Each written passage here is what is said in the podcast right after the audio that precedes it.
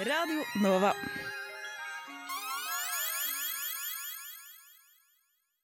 Radio Nova. Å nei, nå skjer det noe greier. Nova Noir. Lyden av film. Jeg forventa Bas Lurman og fikk Bas Luhrmann. Stopp en hal nå, skal vi begynne å leke. Det skal være visuelt bra. Jeg har sett uh, tre filmer. Morbin, Morbin, Morbin, Morbin. Nova Noir. På Radio Nova. Sjangeroverskridende, du vet ikke helt. Postmodernistisk. Vi skal snakke om hvordan De bare satt og diskuterte. Da, da var jeg sånn, ok, dette her var litt gøy, men dette er gammelt allerede. Uh, kommentarer på samfunnet og sett siden sist. Jeg har heller ikke sett Taxi Driver. Så Jeg har heller ikke sett Taxi Driver. Nova Noir.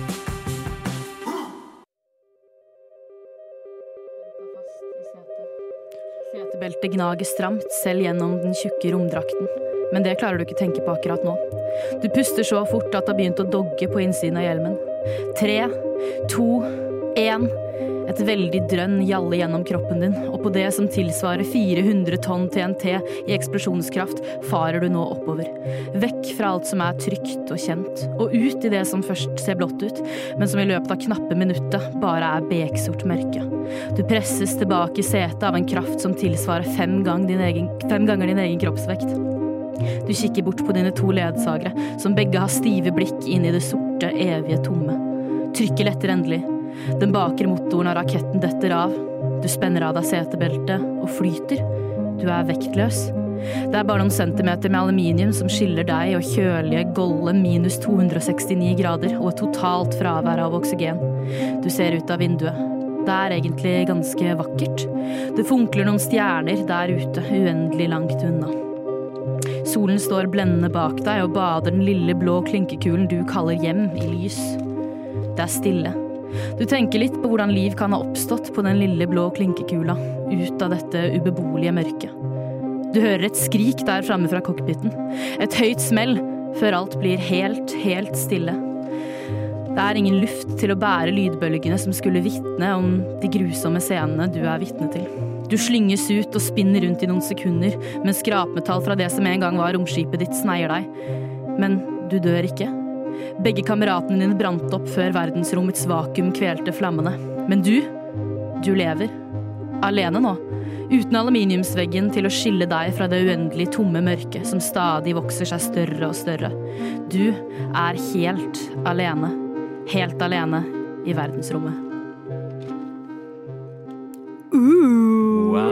Men jeg er ikke helt alene, for du hører selvsagt på Nova Noir, verdens beste filmprogram her på Radio Nova hver torsdag 10 til 12. Og jeg sitter ikke alene, fordi her i studio så har jeg med meg Arthur. Hei, hei. Hei, Arthur. Og Ludvig. Yo. Så har vi Maria on the sticks and the buttons. Amazing. Eh, med mine blonde ledsagere. Vi har døpt oss om til Blonde Space League, for de som måtte lure på det. Eh, så skal vi nå ta en kosmisk reise gjennom verdensrommet. Men før det så skal du få høre en låt. Du Du Du hø hører På på Radio Nova. Yes. I dag så skal vi på en kosmisk reise, dere. Vi skal ta turen ut i verdensrommet. Eh, Det finnes jo enormt mange filmer om eh, space og verdensrommet. Men vi har kanskje valgt å sneie oss litt mer inn på det å være alene i verdensrommet. For det er jo noe ganske mange filmer har utforsket. utforsket. Da blir det ofte ganske kult av. Hva er dine tanker om ja, verdensromfilmer generelt, Arthur? Nei, det var jo jeg som kom med den ideen om Ja, det må du faktisk få Ja. cred for. Takk, takk. Eh, det er på grunn av i november så kommer det jo mørketida, og ting blir trist og alt det her. Så jeg syns det er veldig gøy å se på andre folk i mørke rom. Eh, Som gå har det verre enn deg? ja. Mye verre enn meg. Og sånn, problemene mine blir jo minis... Altså minimal når jeg ser på de. De må liksom eh, Vinterdepresjon fu, liksom? Ja. Mm. Så eh, jeg syns bare november er perfekt for å se på sci-fi og folk som prøver å overleve i verdensrommet. Mm. Ja. For det er jo absolutt en fellesnevner her. Eh, Mm. kanskje noe vi kommer tilbake til litt på slutten. Eh, hvordan går det egentlig an å klare seg når alt går til helvete i verdensrommet? Mm. Og det er jo en sånn fellesnevner at eh, det er ganske små marginer før ting går fryktelig, fryktelig galt når du er ute i det store intet. Men Ludvig, jeg har en høne å plukke med deg. Og dette gjelder jo ikke bare verdensromfilmer, men du har uttrykt Den, bre, før den brede sjangeren. ja, den brede sjangeren alene i verdensromfilmer. Men du har uttrykt før at eh, du ikke liker science fiction-filmer. Ja, det, det er satt litt på spissen. Da. Det er egentlig bare for å gjøre folk sure på gøy. Fordi, fordi jeg, har, jeg har liksom okay. ikke Altså, det er ikke noe hat og sånn, og så Det er ikke sånn at jeg misliker det eh, i det forstand at jeg sitter og tenker på at jeg ikke liker sjangeren. Jeg liker egentlig sjangeren veldig godt, og spesielt når jeg ser den eller skal se den i forhold til sånn her, da, med folk som liker det. For det er veldig sjelden jeg ser sci-fi-filmer alene. Jeg tror jeg har tatt en rekord i, i, til eh, denne sendingen her. Jeg tror det er første gang jeg har sett fire sci-fi-filmer i løpet av en. Ikke en uke engang, fire dager. Tre dager. Uh, men eh, nei. Uh, jeg bare Jeg vet nesten ikke hvorfor jeg ikke er så glad i den sjangeren. Jeg syns det, det derre tomrommet i verdensrommet kanskje er eh, Setter igjen et tomrom hos meg når jeg er ferdig med å Oi. se mange av filmene. Det var dypt. Det var det. Wow. Jeg, nå prøvde jeg meg på en spøk, og så Så du får mer eksistensiell angst av å se disse filmene, og Arthur får mindre? Ja. Ja, Det er jo Ja, en spennende ja, det er dynamikk, det.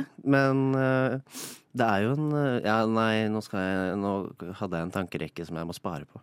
Oi, spennende. Liten tease. Nå har jeg allerede vært dyp, så jeg, trenger, jeg trenger ikke være dyp to ganger. Jeg må, jeg må hente meg litt Spare, porsjonere ut uh, følsomme Ludvig gjennom sendingen. Eh, vi skal snakke om fire filmer i dag. Eh, vi skal ikke bare for å eh, rive av det plasteret først som sist. Vi skal ikke snakke om Interstellar. Å Un ja, jeg vet, Det- er kjempevondt.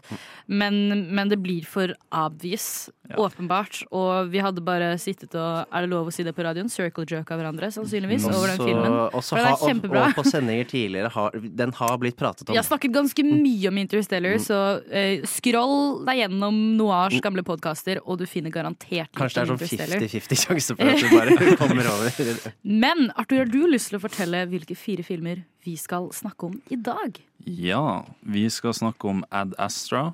Vi skal snakke om The Martian. Vi skal snakke om eh, Gravity og 2001 A Space Odyssey. Spennende. Mhm. Spennende. Det var eh, to nye filmer for meg, og to, nye, to gamle som jeg har sett en del ganger før.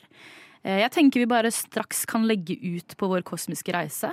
Før det så skal vi eh, lære litt mer om verdensrommet, men aller først så skal vi gå gjennom hva vi har sett i det siste. Men først så får du høre en låt.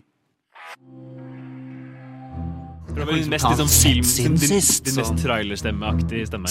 Sett siden sist. Sett siden sist. Sett siden sist! Sett siden sist. Jeps, da var vi over på vår faste spalte. Hva har vi sett siden sist? Ludvig, hva har du sett på? Jeg har vært innom uh, barnefilmverden. Så hyggelig. Ja, det er en film jeg så eh, som jeg trodde var litt nyere. Den var fra 1987. Den heter 'Den modige lille brødristeren', hvis dere har hørt om den? Nei, Har dere ikke hørt om den? No. Du, du kan, det er det sykeste. Det sykeste er at du forventer at vi har Nei, jeg, bare, jeg, jeg, jeg, nei det var, jeg forventa det ikke. Jeg bare spurte med, jeg bare spurte med okay. en selv, selv med litt Har ikke alle sett Har ikke alle den sett filmen om det? Ja, men det, det handler, er fra 80, 88 eller 87. eh, og den handler om eh, ja, Den er en verden hvor, eh, hvor liksom husgjenstander lever. Oi. Eh, hovedpersonen er jo brødristeren. Da. Eh, Mhm. og den er jo en slags forgjenger til Toy Story, uten at folk tenker på det, liksom. Hvem er det som har laget den? Produsert den? Det er det som det er det der. Det er ikke, det er ikke Disney. Den ble laget i en tid hvor Disney var litt nede. Så andre fikk litt plass. Jesus. Og så eh, med tanke på at dere jubla så mye med at jeg nevnte den filmen, så gjorde den jo det kjempebra, sikkert. Ja. Jeg hadde i hvert fall på VS da jeg var kid, og den ble dubba til norsk, så den var jo definitivt en internasjonal greie. Men også når jeg så den igjen, så, eh, så er det en scene midt inni der som Der kom det et traume som jeg hadde glemt, for det er så lenge siden jeg har sett den. Do tell. Det, det er hvor en eh, Ja, han blir vel en slags Det er vel aircondition. Aircondition anno 1987.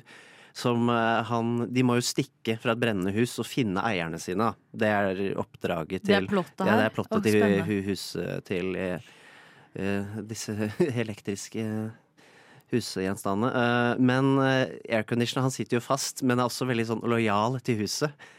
Så han eh, liksom bare skriker og blir rød, og så eksploderer han og dauer, liksom.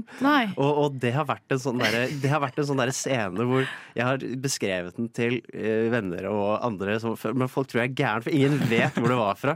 Så jeg bare Jeg har blitt uh, gaslighta Du bruker det som en vanlig referanse. At, ah, det er sånn som når den brødristeren ja, det høres ut som Ok, jeg, Ludvig. jeg skulle la- sitte i sånn der, Jeg sitter i en sånn der straight suit og bare Ja, men det er den brødristen. Har ingen sett den brødristen? Hvor kan man se denne, Denne, air, flotte denne aircondition Men husker du ikke airconditionere som daua? Nei, Sånn?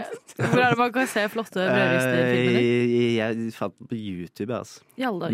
Men det er veldig dårlig kvalitet. Vil du anbefale den? Ja, faktisk. Hvis Wow. du liker litt eh, Det var den derre barnefilm Det gjelder de animerte filmer fra 80-90-tallet. De er ganske unhinged, ass. Ja, ja. Det er mye sånn, er mye sånn nightmare, 80-tallet. nightmare-inducing greier. Men hele 80-tallet, altså barnefilmer på 80-tallet, hvis du uh, uh, Neverending Story og The Dark Crystal og sånn, det er jo ikke helt lov. Tar han Det er- gryte. Ja, det er noen som ikke brydde seg om barns ve og vel. Arthur, hva har du sett på i det siste?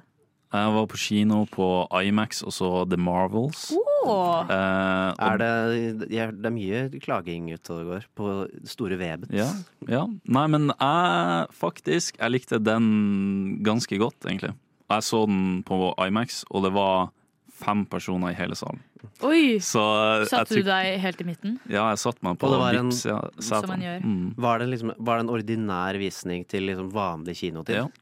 Uh, halv fire på en tirsdag, tror jeg. Så koselig. Og det var Vet du hva, jeg gikk inn ganske negativ, egentlig. For at jeg likte ikke den første filmen, uh, Captain Marvel.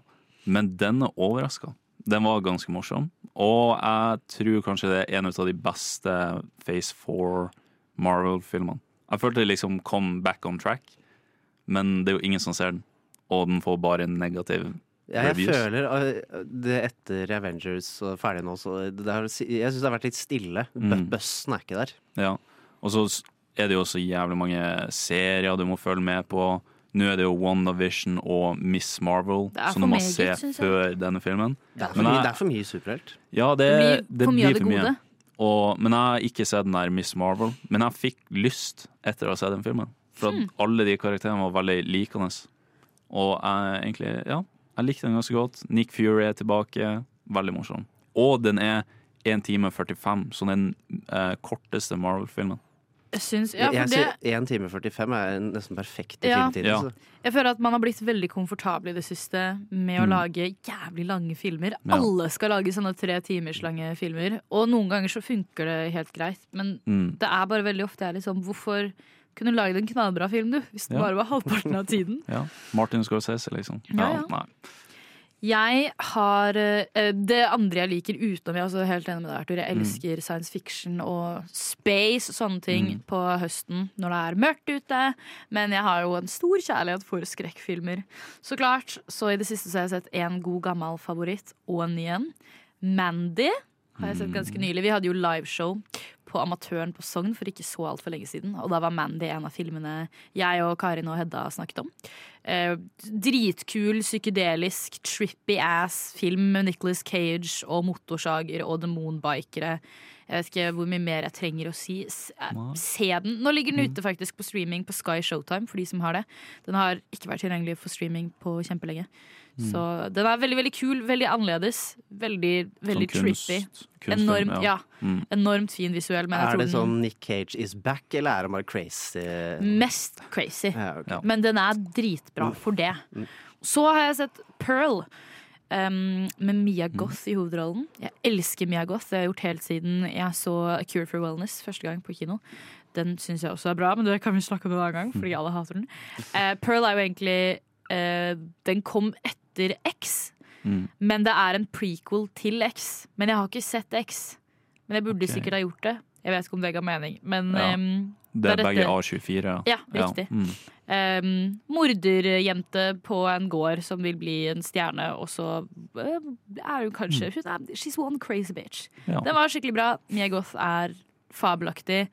Uh, litt sånn som 'Midtsommer'. Veldig kult det spennet mellom Den er veldig pen, og det er veldig idyllisk og lyst og vakkert på dette landlige strøket. Men um, så er den jo helt jævlig ekkel samtidig. Elsker, elsker sånne ting. Eh, vi skal videre. Vi skal lære oss å lære dere, kjære lyttere, litt mer om verdensrommet. Men før det så skal dere få høre litt mer musikk. Good morning, Nova, Nova!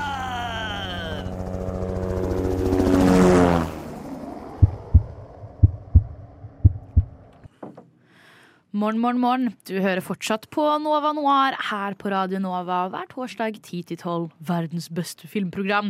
Men i dag skal vi gå kanskje litt utenfor det vi er vant med. Kanskje vi skal eh, stjele litt fra Vitenselskapet, som også er et program her på Radio Nova. Fordi For å liksom sette dere i en god stemning her, for å skjønne hva det er vi dealer med når vi skal ut på denne kosmiske reisen, så er det jo veldig viktig med kunnskap. Astronauter må jo gå en kjempelang utdannelse.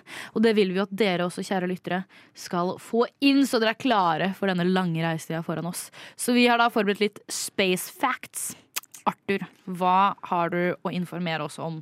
Ja, dette er noe som står meg ganske nært. For at i, for at i 2006 så ble offisielt Pluto ikke lenger en planet. Veldig leit, det. Og det var når jeg gikk i første klasse. Så jeg, folk gikk rundt og bare Nei, Pluto er ikke en planet. Så, Da var jeg fire år. Ja, og så Ja, jeg husker, Ja. Da var jeg var 13. Litt aldersforskjell her. Spenn! Ja, så det er ja, Justice for Pluto. Det er alt jeg sier. Justice ja. for Pluto. Det jeg syns er interessant Jeg husker også Jeg har alltid vært dritinteressert i verdensrommet. Jeg har sidetrack, men jeg har en sånn sykt kul bok signert av Knut Jørgen Rød Ødegaard, hvis dere vet hvem det er. Det er han- Største helten din. Ja, han er det! Det er han veldig entusiastiske norske astronomen. Det, Google hvis dere ikke vet. jeg savner han i media. Ja, jeg også. Jeg pleide å avslutte dagbok-entryene mine med eh, Astrid astronaut. Eh, det eh, men søtt. Uansett, søtt, ja. jeg syns også det var veldig tragisk da Pluto ikke var eh, Mm. regnet som planet lenger. Men bare for å sette det litt i perspektiv, så vil jeg bare meddele for alle som syns det er urettferdig. Pluto er mindre enn vår egen måne. Ja, men det har ikke noe å si. Drit i det. Drit i det. Månen vår det Da kan si. vi like så gjerne kalle måne for planet, da. Nei, for den går jo rundt Månen er jo noe som går rundt en planet. Ja, men Plu- Plu- Pluto bruker jo Pluto henger jo. Pluto har vel ikke klart å gå én gang rundt sola en gang i vår livstid nei, men han, han bare chiller.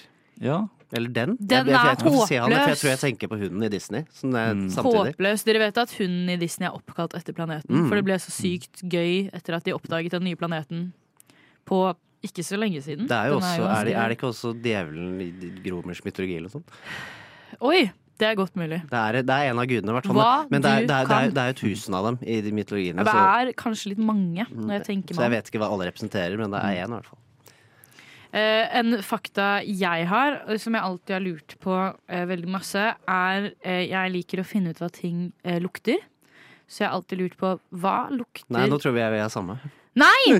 Nei! OK, ok, men jeg og Ludvig da har alltid tenkt på Hva lukter egentlig Ja, for jeg- jeg- verdensrommet sånn? Når jeg leste det, så det var også noe som sto meg hjertet nært når eh, du sa det også. Ja, det er fordi, dritspennende. fordi en av hovedluktene var visst bringebær.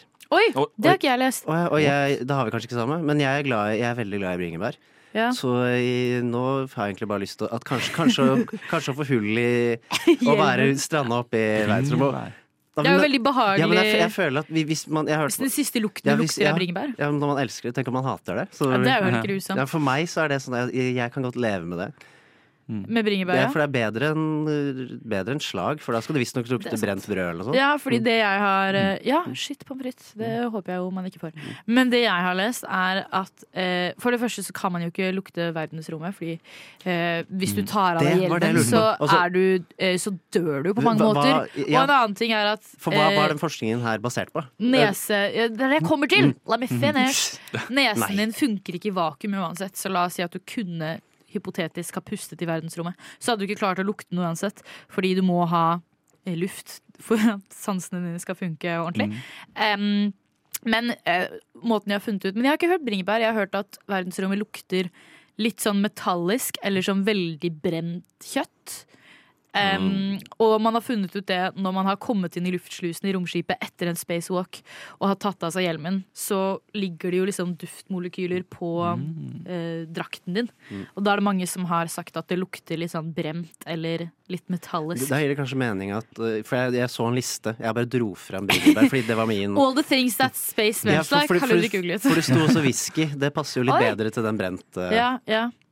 Whisky og bringebær, Mm. altså. Det er jo Tror, tror du det? Tror, men uh, lukt og sansene våre generelt er veldig individuelle, så Ja, det er kanskje det er basert på Dette er basert på kanskje de få som har vært oppi der. Var det én lukt av bringebær, én lukt av brent, én lukt av ja.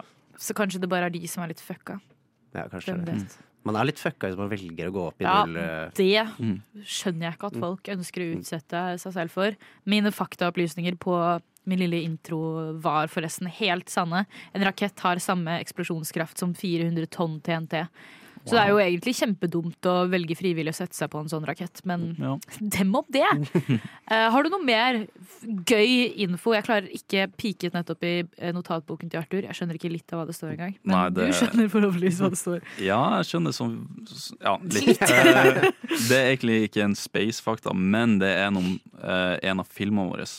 Så 2001 A Space Odyssey er jo egentlig en bok eh, av Åh. Arthur C. Clarke. Heter han også Arthur? Ja. Jeg kommer aldri til å være den mest berømte Arthur Nei. noensinne. Ja. Og så Du har må du jobbe- også du må- kong du må jobbe for det, da. Du har også kong Arthur, så du har ganske Ja. mye å konkurrere med sånn, Ja, på faktisk. historisk basis. Men. Men eh, uansett, han eh, er jo en forfatter, og han har faktisk skrevet fire Odyssey-bøker. I alle dager. Eh, Så det er 2001 og Space Odyssey, 2010 Odyssey 2, eh, 2061 eh, Odyssey 3, og så 3001 The Final Odyssey.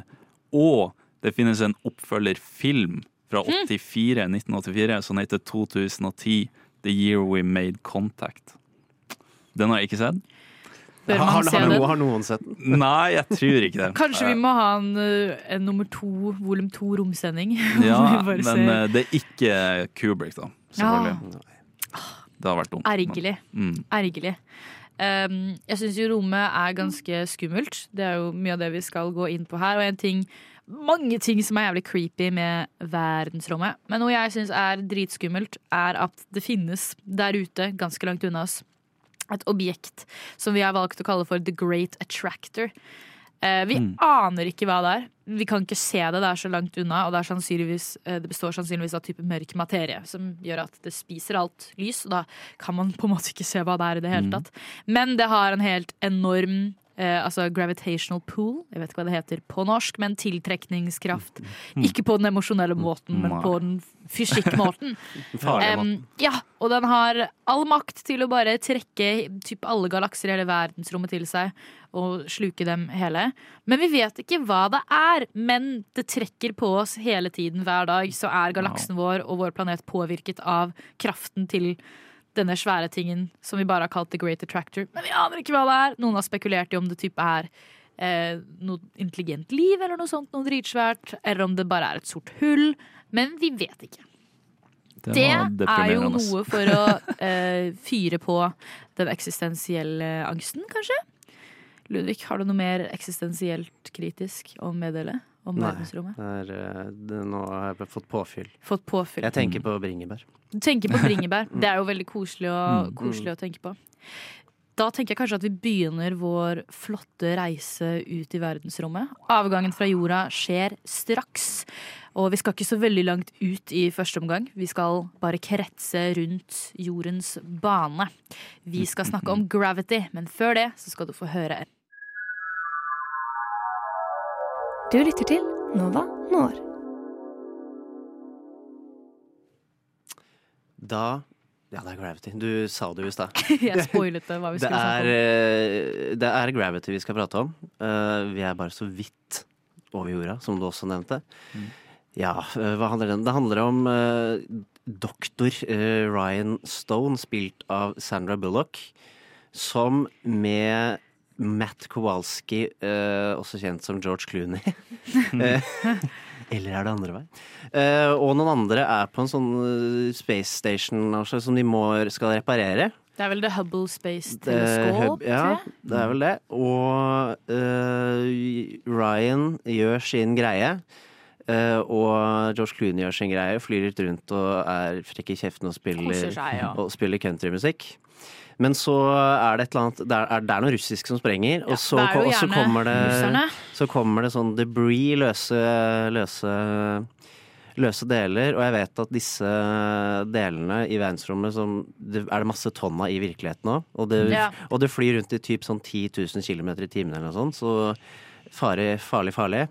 Men dette er, u, dette er jo ikke forventa, da, så det blir jo litt krise. Og etter eh, litt, eh, etter litt krise, så er det bare Ryan og Matt igjen, da. eh, Som må finne en annen stasjon for å kunne returnere hjem. Og dette er jo, som vi har nevnt før, dette handler jo om å være isolert oppe i verdensrommet. Det er ikke actionfilmer vi snakker om i dag. Dette er jo en dialogbasert film satt i et eh, eh, CGI-helvete. Nå bruker jeg ikke helvete som et negativt ord, mer et observasjonsord. For jeg vet at filmen er eh, Jeg leste at 80 80 av 90 minutter av filmen, Det er en ganske kort film, 80 av 90 minutter er, er CGI. Stort sett. Så det er jo egentlig bare en en oppvisning i, i å kunne dataanimere. Det er de som kommer seg best ut av denne filmen, tror jeg. Eh, og ja, manus er eh, Ja, er dere Liker dere denne filmen? Nei, Mm. det er jo eh, dette vi snakket om når vi bestemte oss for å snakke om Gravity på sending. At Mm. dette er en film vi skal rante litt om. Ja, jeg har gjerne- litt å rante om. Jeg har mye å rante om. Men mitt første på en måte, møte med Gravity var egentlig ganske bra og veldig kult. Mm. Jeg var på kinobursdag, som eh, bortskjemte folk fra Bærum har. Tydeligvis. Det var ikke min bursdag, bare for å understreke at jeg er ikke så bortskjemt.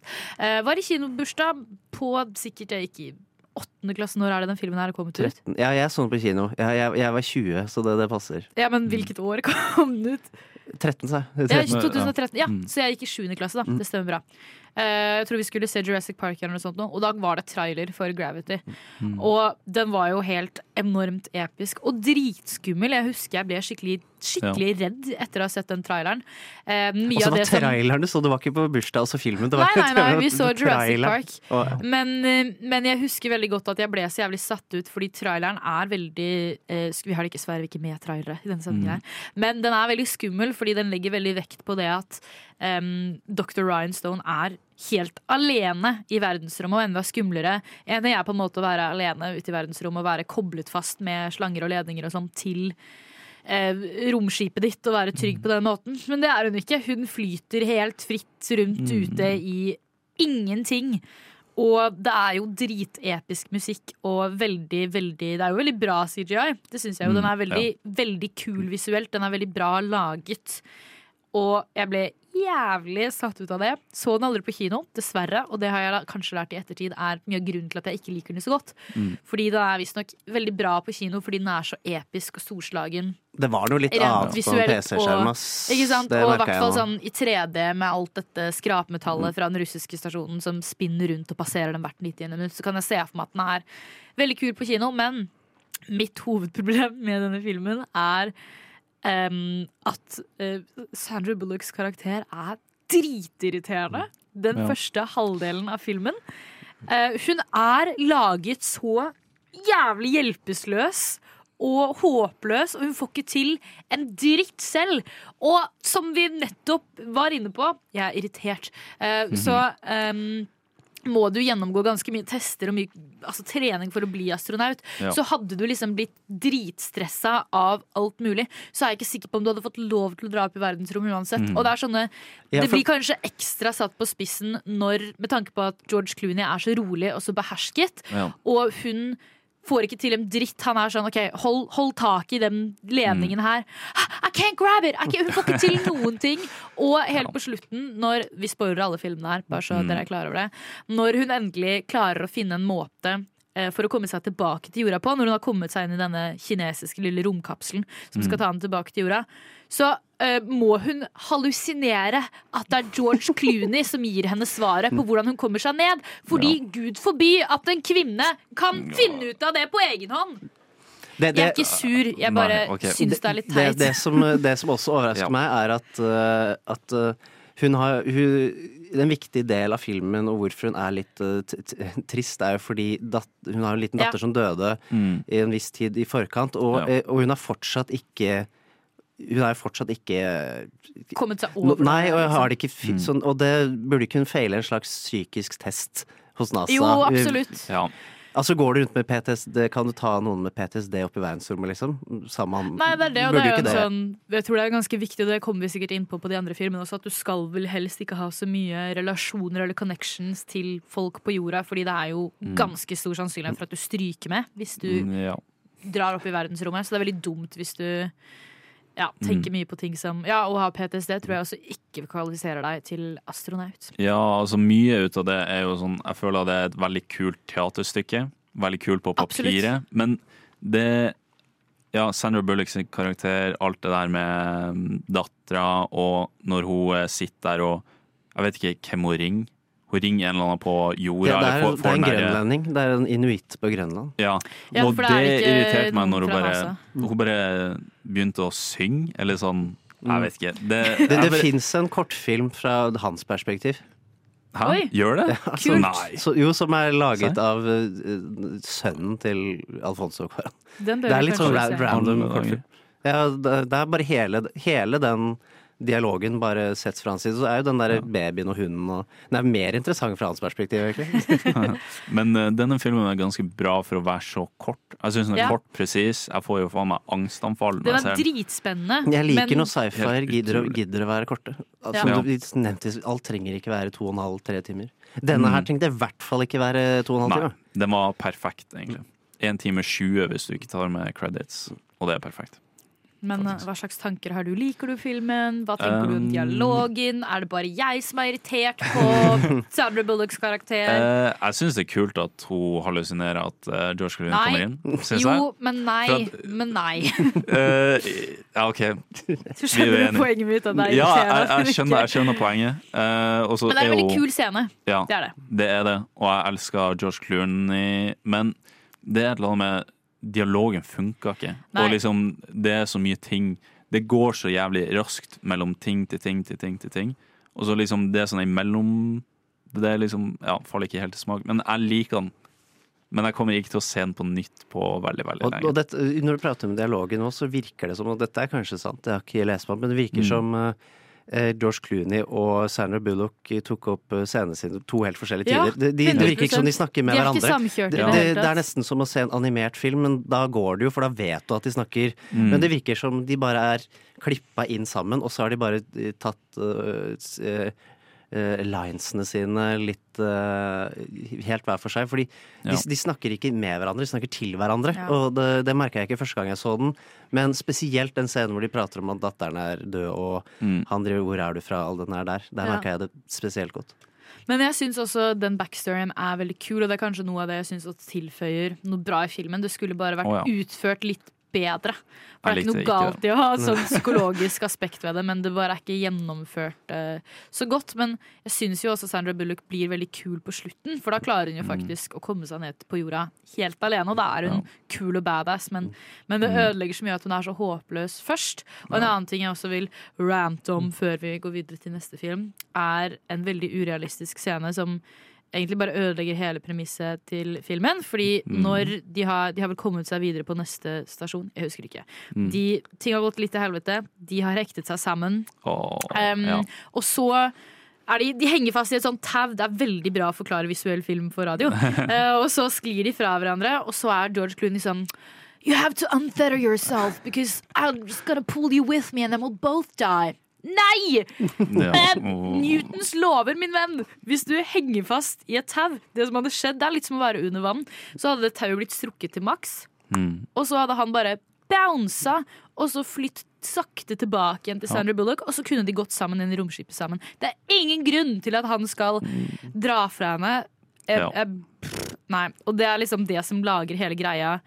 Hele poenget er jo at hun er Mm. alene i verdensrommet, og han må dø, han må ofre seg for at hun skal overleve. Men Ja. Det er bare det er ingen grunn til at han skal gjøre det på denne måten. ja, han bare flyter vekk. Ja. Ja, det er litt teit. Helt, helt håpløst. Og så ser han soloppgangen over Ganges, og så er det veldig, veldig vakkert. Og så måtte de måtte kjøre en Mm. eh, alien òg. de tok en Sigourney Weaver og fikk en ut, de fikk en ut av klærne Ja. i, i undertøyet. Ja, men tror dere man er har på seg så lite klær under Ja, romdrakten? ja, det tenkte jeg. Er man barbent i romdrakter? jeg, jeg tenkte kanskje man hadde noe superundertøy eller noe sånt. ja, for det er jo sikkert Hun er jo helt, ba, hun er jo helt barbeina. Ja. ja, jeg lurte også jævlig på det. Har man ikke kanskje på seg ullsokker, i det minste? Ikke vet jeg. Eh, Vi skal bevege oss litt videre ut i rommet. Vi tar turen til Mars, men før det så skal du få høre en låt. Fra ende til annen intenst. Nova Noir.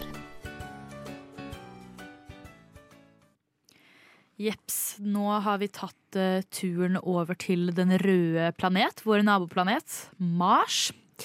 The Martian kom ut i 2015, og her følger vi astronauten Mark Watney, som er igjen på Mars alene, for øvrig spilt av Matt Damon. Um, er på, han er på oppdrag, oppdrag med hele crewet sitt når en plutselig uventet storm tar dem litt på senga. Og de tror at Mark Watney dør. Han blir truffet av en sånn stein eller noe sånt. Nå. Så crewet hans antenne. Ja, antenne er det. Takk, Arthur. Så de um, stikker fra han, for de tenker at ja, nå kommer vi oss vekk. Men så viser det seg selvsagt at han lever. Og det tar ganske lang tid å reise til og fra Mars, så mens eh, crewet hans har satt eh, kursen for jorda, så må han finne en måte for det første å kommunisere til NASA og jorda at han faktisk er i live på. Og så må han finne en måte å overleve i nesten ja, halvannen til to år med veldig, veldig lite ressurser på en planet som prøver å drepe deg på alle Mm. mulige måter. Eh, jeg elsker The Martian. Store ord, men jeg syns det er skikkelig skikkelig kul. Den ser Mm. veldig sånn Jeg var skeptisk første gang jeg så den, for den ser veldig kommers ut. Ja. Um, og den er også det, men, men det funker. Det funker som bare det. Mm. Jeg stolte jo ikke helt på Matt Damon som astronaut etter Interstellar. Ja, det må være lov å si. Der er oppfører han seg ikke så pent. Mhm. Um, men han bærer den filmen her så enormt godt, og ja, denne filmen passer jo også enormt bra til temaet vårt. Eh, selve frykt. Jeg vil kanskje Mm. påstå at å bli etterlatt på Mars Topp tre verste scenarioer jeg kan forestille meg, eller top situasjoner tre? jeg kan Det og ja. å um, helle opp i frokostblanding før du har sjekket om du har mer melk. Det står ganske ganske høyt. ja. Mm. Det er litt sånn, det, det syns jeg to er ganske ille. Ja, det er samme nivå. Det er der, samme nivå, Mm. ja, men kanskje frokostblanding er hakket verre. Ja. Skal jeg være helt ærlig. Mer Men realistisk. eh, jævlig å bli gjenglemt på? Mars. Hva om du ikke har med melk på Mars? ikke snakk om det, Ludvig. Jeg orker ikke. Det, det orker jeg ikke å forestille meg engang. Men, um, men jeg så den her for eh, ikke så lenge siden. Eh, jeg var veldig veldig fyllesyk og orket ikke å løfte en muskel. Og bladde gjennom min Disney pluss, og så kom den opp. Jeg var sånn Den er jo kul! Og den er det Mm. lenge siden jeg har sett. Og så så jeg den på nytt, og det Mm. var en fryd. Ja. Arthur, hva, var det første gang du så den? Nei, jeg så den oi, det er mange år siden, og jeg hadde egentlig glemt mye av den. Og når jeg så den på nytt, så Altså, den er så ekstremt amerikansk popkorn, blockbuster. Sånn eh, Hva er det de sier sånn eh, Han skal være på Mars så og så lenge, men han kommer jo til å overleve. Ingenting kan gå galt. Neste klipp eksploderer hele jævla inngangen hans. Så det, det er veldig mye sånn eh, Den sier ganske mye istedenfor å vise deg. Men eh, jeg syns det er ekstremt morsom, og feel good.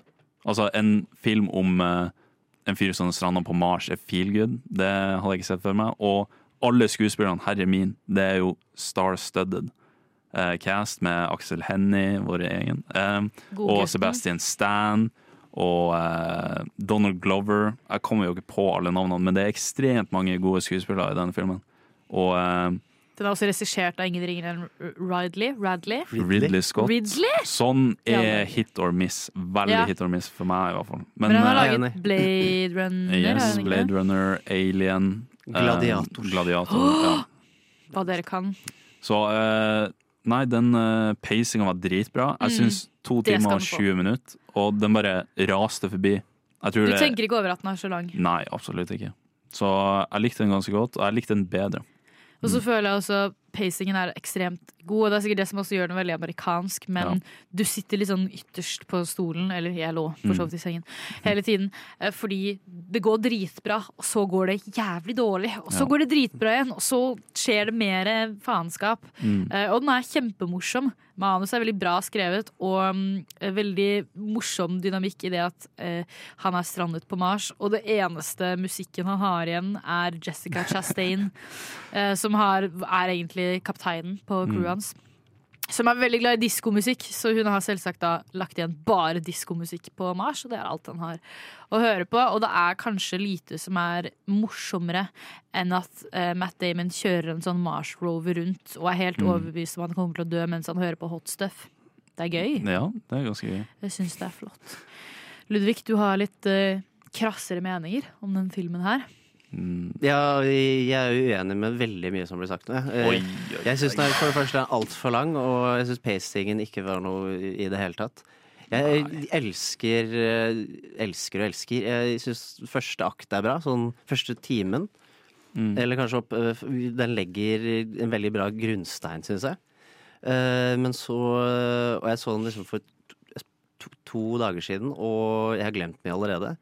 Og, eh, og, det, og så blir det litt for amerikansk for meg. Det er lov, Mm. uh, men det er bare Nei, det er bare ikke min greie. Den ser fantastisk ut. Den er veldig og, pen. Og så elsker jeg musikkbruken. De kunne nesten ikke valgt en bedre sjanger. Litt og- ABBA i verdensrommet. Det er aldri feil. ABBA og Jeg syns Ja, det er irriterende at uh, at David Bowie-låta er bakgrunnslåt og ikke i filmen, men uh, dem om det. Uh, det hadde jo faktisk vært litt gøy om han selv hørte på Starman. Det, det hadde vært litt Ja. morsomt.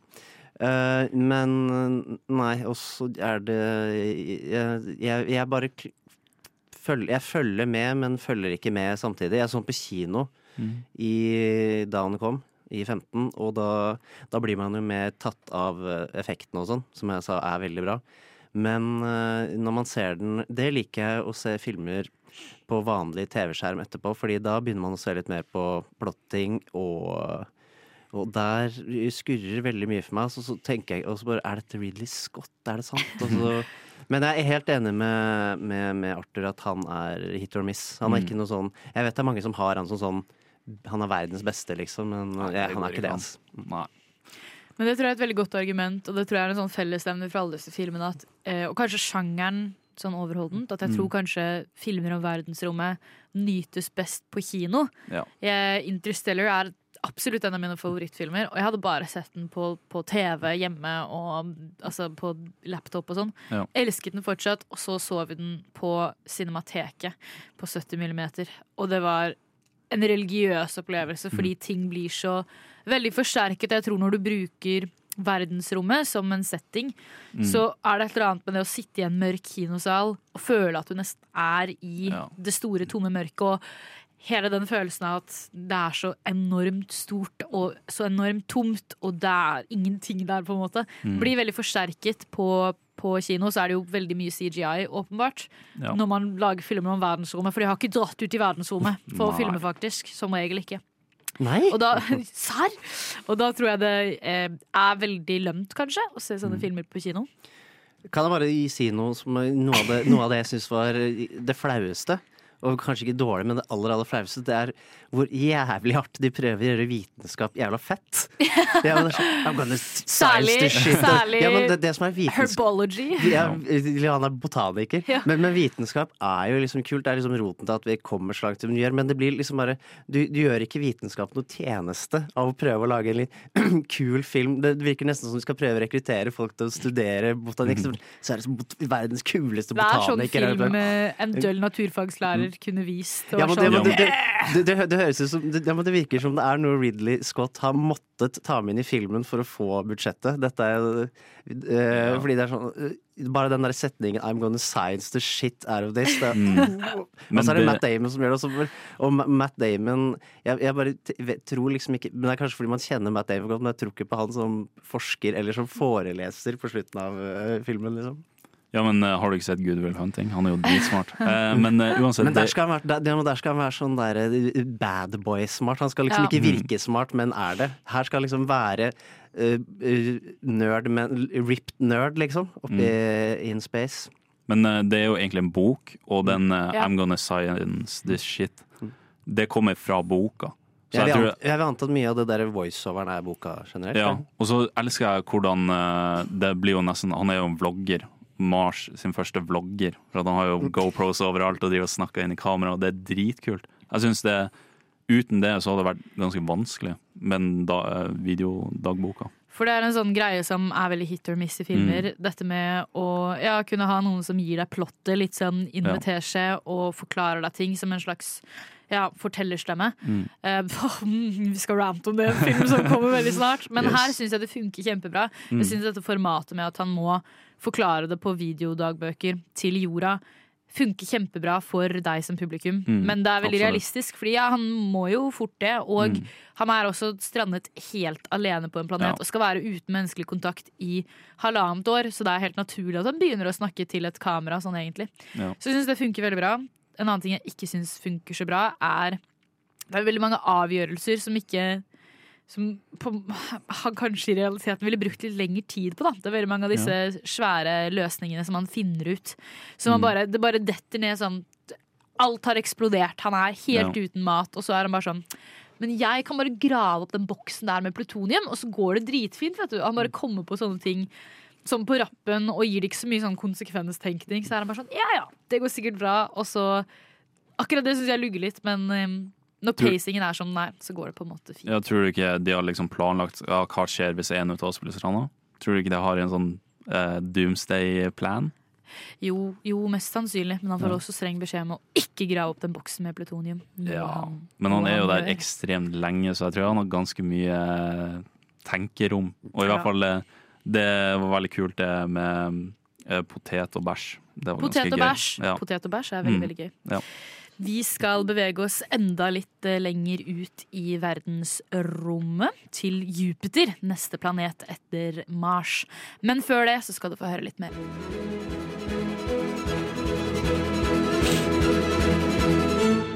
Radio Nova. Vi har eh, byttet tekniker. Hei, Stian. Hei, hei. Tvang deg til et kjapt lite knappebytte der. Eh, Vi skal da bevege oss enda lenger videre ut i rommet til neste planet. Langt eh, større for så vidt enn Mars er. Vi har tatt ferden utover mot Jupiter. Um, fordi vi skal nå snakke om en filmklassiker siden tidenes morgen. 2001, En romodyssé. Eh, En gruppe astronauter oppdager da en fire millioner år gammel monolitt under månens overflate. Og legger da ut på en ferd ut mot Jupiter and beyond for å kanskje avdekke litt svar, redde menneskeheten. Kanskje det er romvesener. Who knows? Og på dette flotte romskipet så har de superdatamaskinen. I dag ville vi kanskje kalt han en AI, eller en KI. HAL 9000. Og han Er han grei? Hvem vet? Hvem vet? Eh, Denne filmen kom ut i 1969! I februar 1969 var lanseringsdatoen i Norge, og det syns jeg er dritfascinerende, fordi det er bare måneder før det faktisk var mennesker på månen på ekte. Og denne filmen Det var første gang jeg Oi, jeg knakk pennen. Dette var første gang jeg så, jeg så um, denne filmen. Mm. Alltid hatt lyst til å se den. Det er jo en sånn film man bør ha sett hvis man kaller seg filmelsker. Ja. Og jeg tror kanskje jeg har fått en ny favorittfilm. Eh, ja! Bold, bold words, men fytti grisekatta. Mm. Det er et ord jeg lagde nå. Så bra! Den er, den er kjempelang og uh, veldig treg. Ja. Men den er så vakker. Jeg skjønner ikke at den er laget på 60-tallet. Jeg kjøpte den faktisk på YouTube, for den var litt vanskelig å finne på strømmetjenester hvis man ikke er Arthur og finner Mm. den på brasiliansk HBO. Yes. Eh, Så jeg kjøpte den på YouTube i full HD.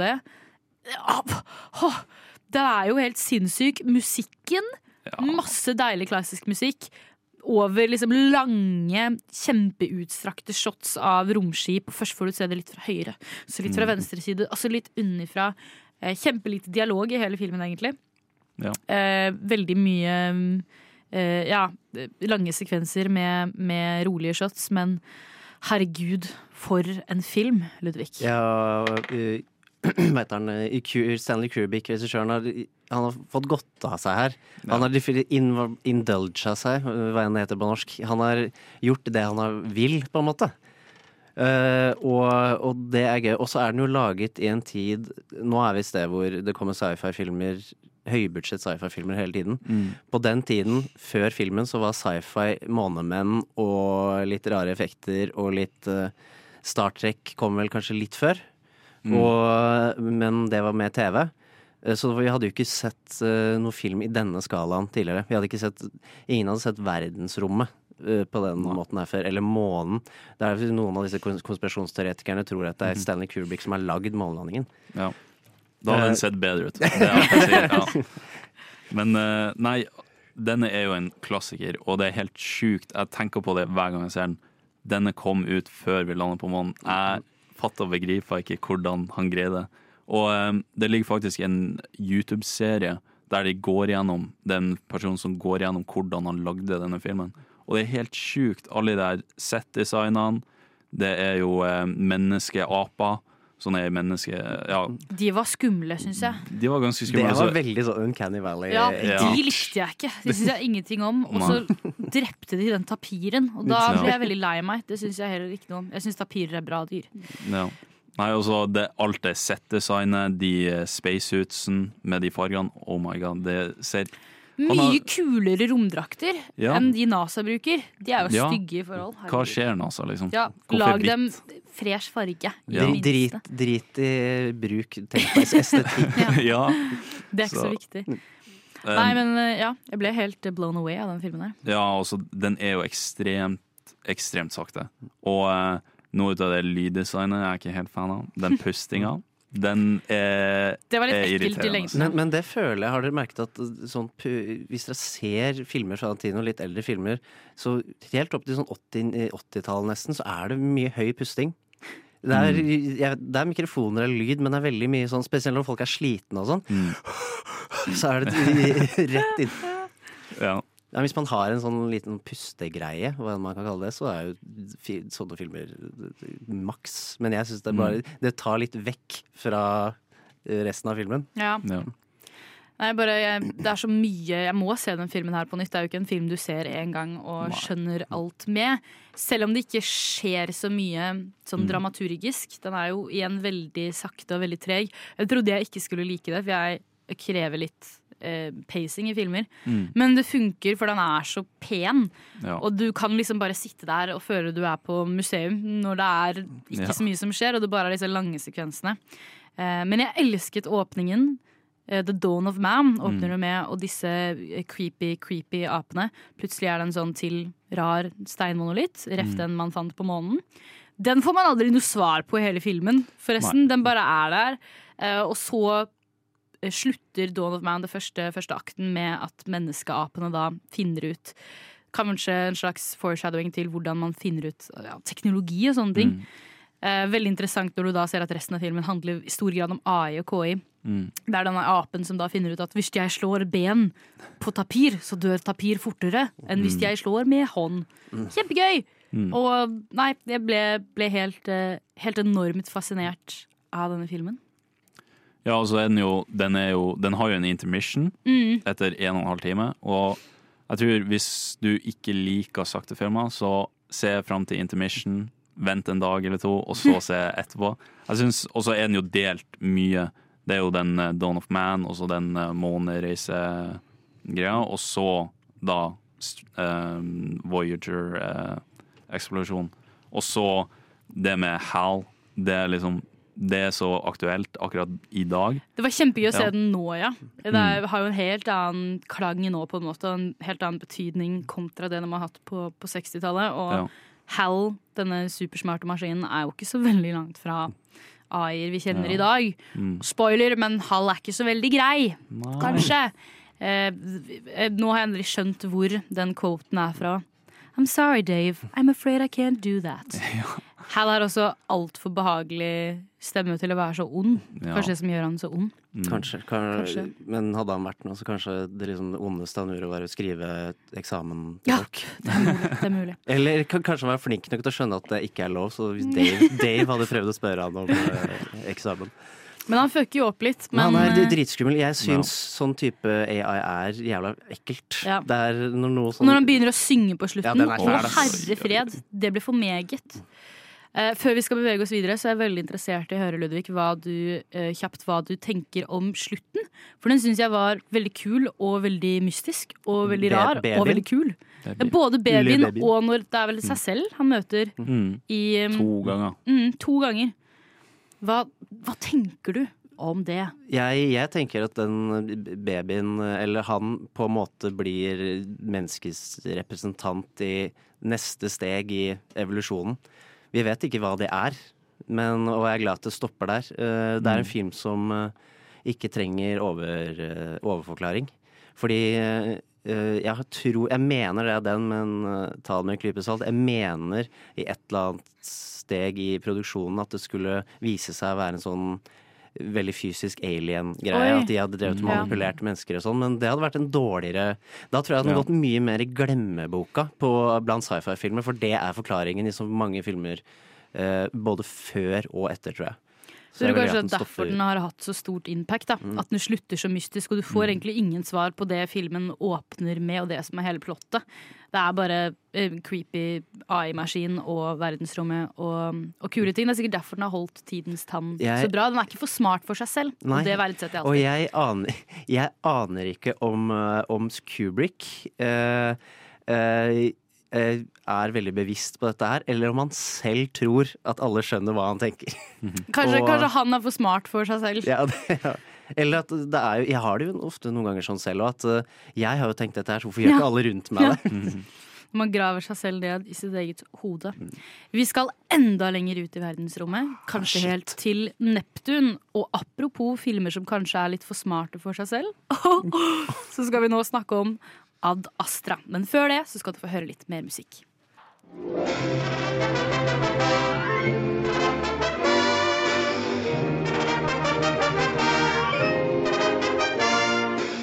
Du lytter til Nova Noir hver torsdag 10-12 eller på podkast når du vil.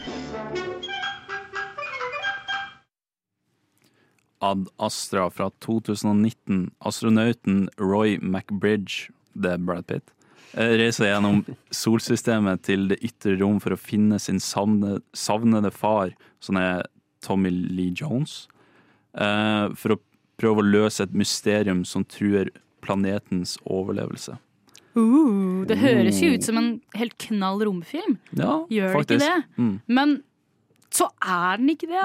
um, jeg hadde aldri sett denne før. Nei. Det var Arthur som, som foreslo den. Du, Ja, sorry. Du, ja, Jeg hadde ikke det sett den er bare å beklage, Arthur. Ja. Men jeg hadde hørt både fra deg og generelt fra ja, andre, andre redaksjonsmedlemmer Mm. og lest litt anmeldelser og sånn, at den ikke var sånn dritbra. Men jeg valgte liksom å tenke at det jeg kommer sikkert til å like den. Det er verdensrommet og Donald Sutherland og Liv Tyler, Taylor. Ja, Taylor. Jeg klarer ikke å snakke engelsk i dag. Er med. Så jeg tenkte dette kan jo ikke gå galt. Nei. Og det kan det. Det er noen eh, grep her som jeg er veldig kritisk til. Eh, Ja. Som du sa før vi gikk på lufta nå, Arthur. Mm. Dritbra film hvis man bare ikke har på lyden, kanskje. Den Ja. er superfin visuelt. Ja, og det er noen scener, eh, den actionscenen hvor de er på månen. Det minte meg litt om Mad Max Fury Road, egentlig. Det er en sånn action-bil-shootout-scene på månen. Dritkult. Det høres jævlig kult ut, altså. Det er jo megafett, men, men manuset er jo det som spolerer hele greia. Det er eh, noen som har tenkt at det er en kjempegod idé, ref narratologi som funker og ikke funker, som vi Mm. diskuterte på The Martian. Så er det noen som har tenkt at det er en kjempegod idé at Brad Pitt har en sånn fortellerstemme som bare mater deg inn med teskje alt som skjer, og hva han skal, og hva han føler, og hva Mm. alle tenker og føler. Og jeg føler at det bare dekker over at Brad Pitt kanskje ikke er dyktig nok skuespiller til den rollen. Er det lov å si? Mm, det er jeg uenig i. Okay. Men uh, altså, han, eh, den voiceover-greia den har han jo gjort før i uh, Terence Malick-filmer. Og han er, der funka det. Ja. Noen hater det, noen elsker det, men det kommer jo opp til. Men denne filmen så syns jeg ikke det passer i det hele tatt. Det Han skal jo være en sånn og jeg har aldri hatt puls over 80 eller et eller annet. Han er aldri stressa. Og, og liksom, han er ikke en likende karakter i det hele tatt. Men jeg syns Brad Pitt er bra i den, men karakteren er dårlig. Jeg syns han er litt kjedelig som karakter. Og en Mm. annen ting jeg også må kritisere når det kommer til karakterene, er at det er to biroller her som jeg bare er litt sånn Hvorfor Dere vet ikke hva dere skal gjøre med disse birollene. Både eh, Liv Taylor, som da Ja. spiller ekskona hans, og Donald Sutherland er så vidt De er så vidt med! Jeg Mm. føler at man bare har casta dem for å kunne ha på plakaten sånn Donald Sutherland! Liv Taylor! Og så er de ikke med, og Donald Sutherland Jeg klarer ikke å si etternavnet hans. Er med Sunderland? Sun, Su- Suther, Sutherland. Sutherland er med i starten, og så er han en gammel mann, så han får litt hjerteproblemer og sånn. Så han får ikke bli med videre fra måned til Mars. Og da er det litt sånn Men hadde man sendt en 84-åring ut i verdensrommet? Nei, mm, tror ikke det. det. Nei. Og Liv Taylor, dritgod skuespiller, men hun får sånn fem minutter med skjermtid, så jeg ser ikke helt på hvorfor Hvorfor det? Jeg skjønner ikke. Jeg skjønner Ja, det er jo bare å si at uh, alle som ikke heter Brad Pitt i denne filmen, du, du dukker nesten ikke opp. Og som uh, jeg bare føler at uh, Jeg tror ikke det handler om skuespiller Skuespiller Altså dyktigheten til Brad Pitt. Det handler mer om Hadde han så veldig lyst til å være med på det her? Nei, det ser ikke ut som han koser seg litt engang. Nei, nei altså, det, jeg har ikke notert så mye. Det jeg har notert, er daddy, daddy issues og deprimert, deprimert mann i verdensrommet. Ja. Og det er jo litt det det er. Absolutt. Og eh, han driver og Men han driver jo og Hvis denne her eh, Han må Alle må gå til en sånn AI-sjekk før de Ja. kan dra ut i verdensrommet. Eh, men de sjekker jo absolutt ikke så veldig mye i hodet, for han har, han har opplagt Han er opplagt dårlig. Mm. Uh, han er villig til å strekke seg ganske langt for å møte faren sin. Ja. Eh, Som han gjør til spesielt slutt. så den, denne scenen hvor han må infiltrere skipet han egentlig skulle være med på fordi han har blitt st- stansa. Mm. Og så eh, Det virker ikke som han helt skjønner at han har utsatt det der crewet for fare i det hele tatt. Sånn, Ja, hei, hei, det er sånn, hei, jeg kommer I'm no threat. Jeg, ja, no threat. Men det er, de har jo fått beskjed om å drepe, så de kommer jo så klart etter den. Ja. Og så er det jo, og så må vi nevne alle i, norsk, alle i norske medier må nevne når Norge er med i, Ja. i, Ja, i, og jeg dør. I, ja, men det er, og, og, s- det, det er det rare det, det er, de, de får sånn SOS-call fra et sånt fra, Det virker som noe sånn Norsk romsonde Ja, som sånn- driver med bioforskning. Ja, som driver med bioforskning, hvor det er en ape som fortsatt er igjen der. Og de har gått litt berserk, de apene. Mm, ja, de har tatt med Julius opp i, Ja, opp i egentlig. verdensrommet, liksom. Og han har Ja. blitt litt morderisk. Og så er det en, og så er det en sånn eh, og, og så er det en, en norsk stemme der som jeg, hva, Er det noen av dere De tre som skal åpne en sånn luftsluse, og da er det en sånn norsk eh, teknisk innspilt stemme. Er det noen av dere som har desifrert hva Nei. som sies? Er det norsk? Det er ikke norsk. Det er ikke en dialekt på norsk engang, og det er dritfunny. Jeg ser alltid engelske filmer med engelsk undertekst, for jeg hører litt dårlig, så jeg må ha undertekst. På min tror jeg det sånn- sto 'speaking Norwegian'. ja, for det er ikke, de har ikke tekstet over Mm. hva den stemmen sier engang. Og det er litt sånn Dere har ikke, dere har ikke tenkt på hva den stemmen skal si. Dere bare har vært sånn Kan du høres noe, si noe som høres litt sånn skandinavisk tullete ut? Ja, for jeg, jeg prøvde å søke opp manuset til filmen, og scrolla og scrolla, men det står ingenting. Nei. Så jeg tror det bare er sånn Er, er, det ingen, som- er det ingen som kjenner noen? kan du Det er ikke litt norsk engang. Nei. Nei, men, eh, men jeg syns, sånn som du nevnte også før, denne filmen har så utrolig mye potensial. Ja. Men det går så veldig til grunne. Ja. Og det er så synd, fordi den kunne vært dritkul, men Ja. den er ikke dritkul. Mm. Og Nei, den bare taper seg litt, og pacingen syns jeg også er litt irriterende. Den, Ja. går veldig mellom veldig kjedelige scener som drar seg veldig ut, hvor jeg ikke føler at jeg får så mye, og Mm. Veldig kule actionscener. Ja. Jeg likte ikke slutten sånn spesielt godt. Det var veldig sånn Mm. klisjé. Ah, pappaen din lever fortsatt på Neptun, men oi, han er en kapitalistisk drittsekk som egentlig ikke bryr seg om deg. Han sier også veldig dårlig skrevet manus. Det er en sånn replikk hvor han er sånn I don't care about I never cared about you. I never cared about anybody at Earth. Jeg er sånn OK, OK. Ja, eller, to- De har satt Tommy Lee Jones oppi et sett og bare Ja. hatt, hatt sånn plakat foran ham. Det, det, Ja, Les dette nå.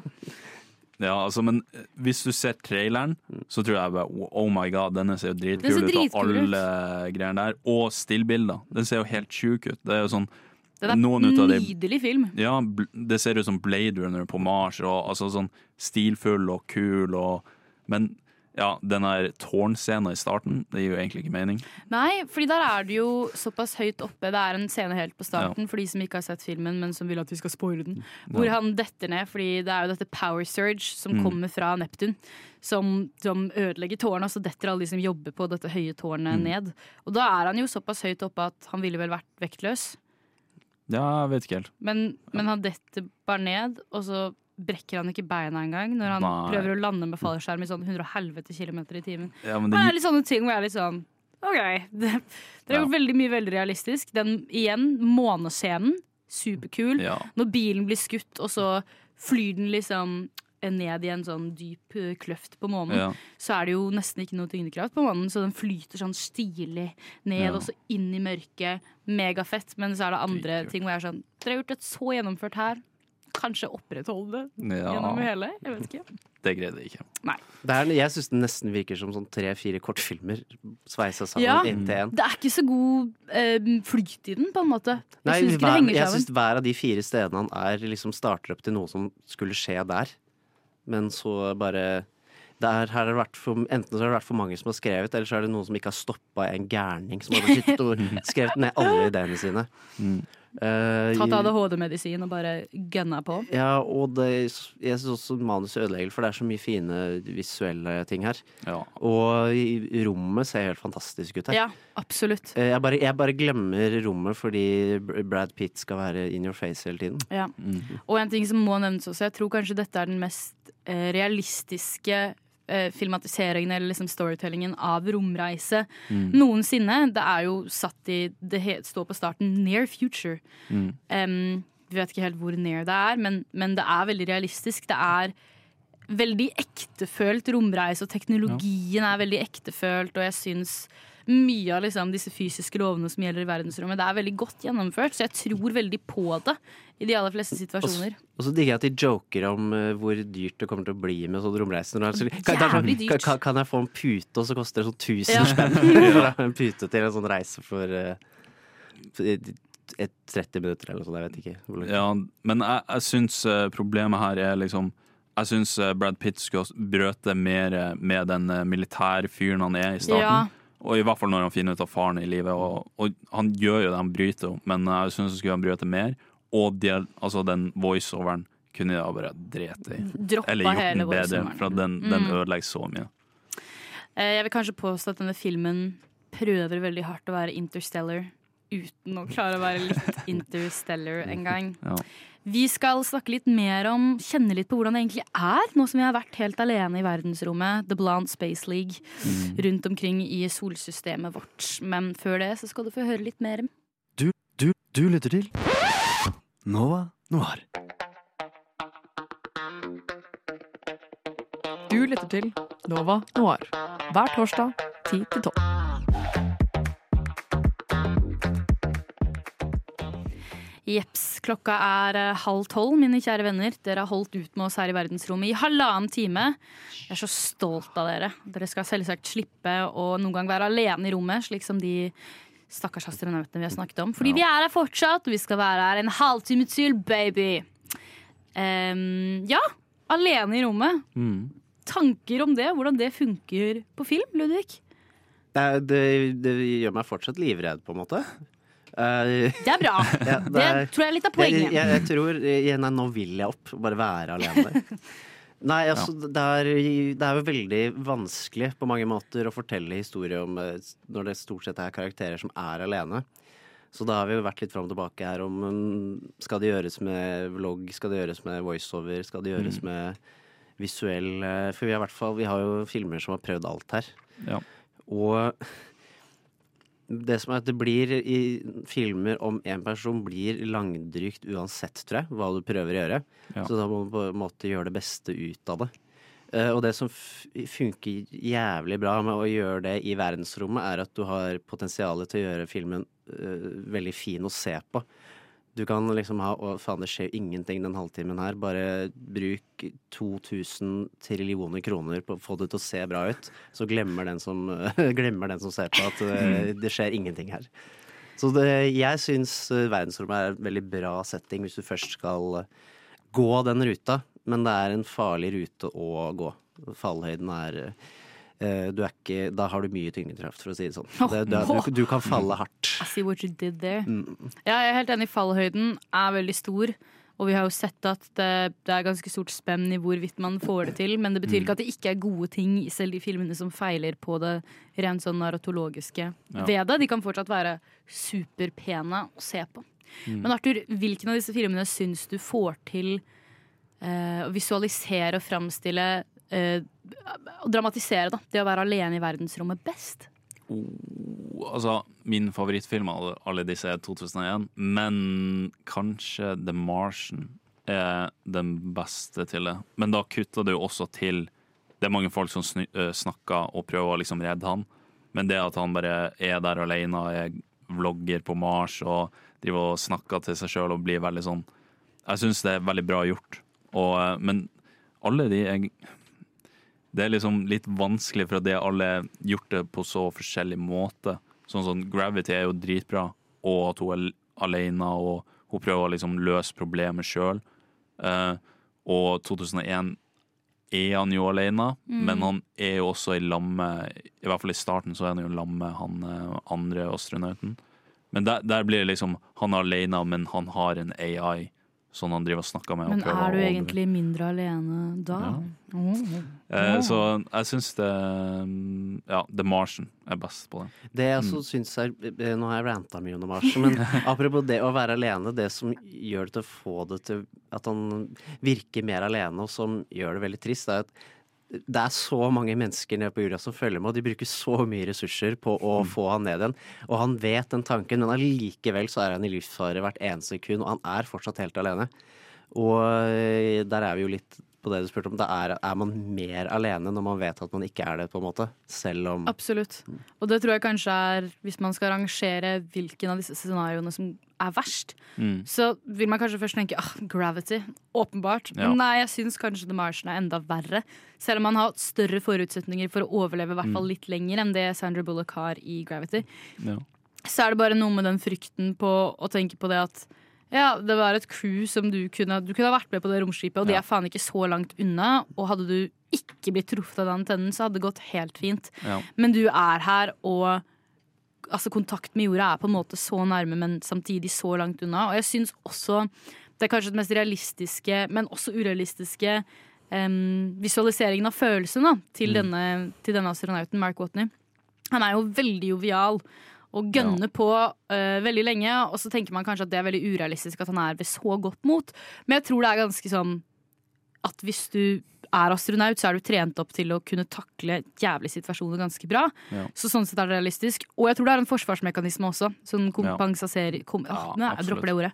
Kompensasjon Ja. for å bli kjemperedd. At du kødder det vekk og, og er veldig glad. Men han har jo også disse øyeblikkene når han kjører i roveren, og alt Mm. går til helvete sånn for en tredje gang. Og da, nå er det typ ingen muligheter, nesten. Da klikker du helt for han, og det er vel Ja. første gang du ser at han totalt tar tidenes sammenbrudd. Mm. Og det er kjemperealistisk, og det spillet mellom sånn jeg er godt mot, jeg er botaniker, jeg kan dyrke poteter i bæsj. Til at alt går totalt til helvete, og han er sånn Nei, men jeg kommer til å dø. Jeg kommer til å dø, Og han blir litt gal. Det gjøres veldig godt. Og du får kanskje ikke det samme spennet i Gravity, fordi det bare er jævlig, og hun er kjemperedd. Som du sa, det er et angstanfall, hele filmen. Ja. Så hun rekker på en måte aldri å summe seg, og så blir det kjempeamerikansk på slutt når hun er sånn It's gonna be one hell of a ride. Ja. Og one-lineren I hate space. Det syns Ja. jeg også er veldig, veldig, veldig bra. Men der, der, får jo, der er hun helt alene. Altså, Ja. Alle satellittene er vekke, så hun eneste hun greier å kommunisere med han At der hun ikke dreper seg selv tidligere, holdt jeg på å si. At hun ikke tar av seg hjelmen. Og ja, bare, Clooney jeg hadde gitt opp nei, så nei. fort. Ja, det må jeg også si, Så mye som jeg rantet om hvor håpløs Sandra Bullock er. Jeg påstår ikke at jeg hadde vært noe mindre håpløs. Herregud, jeg hadde tisset på meg de tre første sekundene. Jeg tror ikke jeg hadde giddet å prøve engang. Jeg har ikke så stort uh, pågangsmot. Jeg, jeg syns også det er viktig å nevne at, uh, at øh, vi må def eller definere man, man må tenke litt Det er forskjellige måter å være alene i rommet her på. Fordi i, to av, i Gravity og The Martian så har vi to som ufrivillig er i rommet. Uh, I 2001 og Ad Astra så er det to som frivillig er, er i rommet. Ja. Eh, og da føler man ikke på den samme ensomheten. De, de har på en måte tatt et valg å gjøre det de gjør. Og de stort sett klarer det de skal, på en måte. I hvert Ja. fall Altså, det er i hvert fall ikke noe synd på Brad Pitt. Han gjør, Ja. og han overlever. Det går jo dritbra. det er vel- Han gjør- bare dreper alle han, på han sin vei, men- Han, han, bare gjør vel, han gjør vel stort sett det han skal. Han bare syns, han bare syns ikke konklusjonen selv var så veldig hyggelig. Nei, men sånn er det når man har en kjip pappa, liksom. Det, Mm. Det er kanskje moralen her. Ikke, ikke ha daddy issues, og så velge å dra til verdensrommet for, For- å finne faren din. Jeg Som tror du, som du ikke har sett på Jeg tror ikke det kommer så mye godt ut av det. Jeg tror ah, kanskje det er et forhold man Men det, det som er eh, følelsen av å være alene, sitter mye sterkere i Gravity og The Martian når du vet at de, de vil ikke. De er livredde, liksom. Det er veldig sant. Er, og så kommer det så brått på dem. Mm. Man er vel forberedt når man drar opp i verdensrommet at ting kan gå Og så er, de, rett og så er de ikke kapteiner, det er vel de to andre. Og de er med for det de er. De er ikke utdanna astronauter. De er med fordi de har en Hun ene er lege, og han andre rolle, er bot botaniker. Mm. De, er, de er blitt tatt med opp fordi de skal være representanten for sitt yrke i verdensrommet. Ja. Mens uh, kapteinen Jo, Brad Pitt er sånn herda mann, mann, mann. Uh, Han er mannemann, ja. Ja. Er du gæren? Og uh, han har jo stålkontroll, han i 2001 òg, opp til et visst punkt med herr Hal, da. Som dreper vennen hans. Mm. Utrolig dårlig gjort. Vi skal diskutere enda litt mer om de fire flotte filmene vi har sett i dag. Og kanskje du også får høre hvilke vi har som favoritter. Men før det så skal du få høre en låt.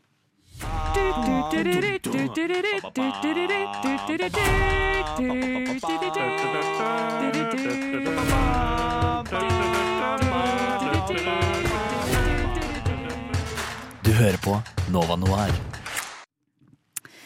Yes, vi er eh, snart ved veis ende, men vi har ikke landa helt på jorda enda. Vi flyter nå fortsatt litt litt i rundt Hvor er vi nå? Tja, vi har vel kanskje begynt å returnere fra Neptun, da, så kanskje vi Mm. passerer eh, Kanskje vi kommer har kommet oss forbi Uranus også, vi passerer Saturn. Gjorde vi som Brad Pitt og bare ja, bruker en eksplosjon til å bare Ja, nei, nei, vi gjør ikke det. Vi har hvert vårt brannslukningsapparat, sånn som i Gravity, og sånn som i Wall-E. Ja, for å ta så vi oss blæser ja. oss tilbake. Ja. Det funker jeg, kjempebra. lik, jeg, jeg liker at det fins faktisk to filmer Ja. hvor noen flyter rundt i verdensrommet med et bra, bra, bra Og Du- du kom det- først. Og det er, for, det er to for mange. Ja, det er to for mange. Ja, ja. Kanskje det blir den nye klisjeen ved siden av den andre spacefilm-klisjeen, som er ormehull med blyant gjennom et bretta papir. Den er så enormt mange ja, det er sant, det. Men um, Stian, vår kjære tekniker, du hadde en litt gøy faktaopplysning i stad. Om 2001. Ja, Vil du meddele? Yes, HAL 9000 er noe som har skjedd i virkeligheten, på en måte. Hvor eh, en oh. robot ble bedt om å kalkulere hvordan man kunne fikse um, human suffering. Hvordan kan vi unngå at mennesker lider? Og etter flere måneder med kalkuleringer kom datamaskinen fram til at måten å fikse det var å drepe alle mennesker på. Ja, det gir mening. Det er hyggelig.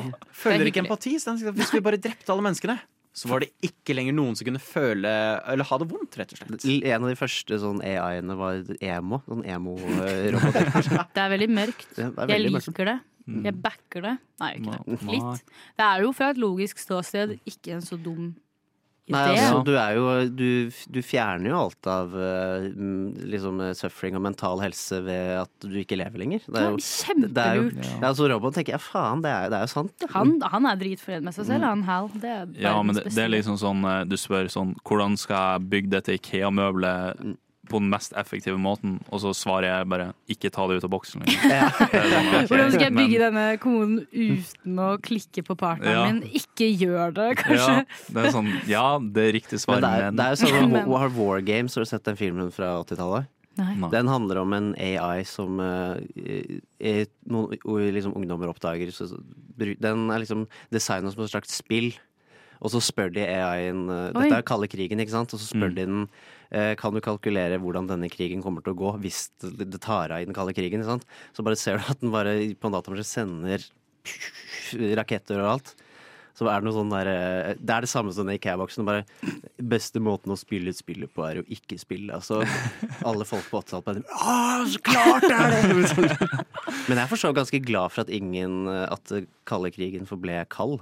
Jeg er ganske takknemlig for det. Altså. At det ikke ble, ble At det ikke ble noe games. Jeg er glad for at den kalde krigen ble kald. Ludvig 2023. Veldig godt. Ble kald, Veldig for ble kald. Eh, Du har levd så lenge. Du har sett så mye filmer jeg ikke har hørt om engang.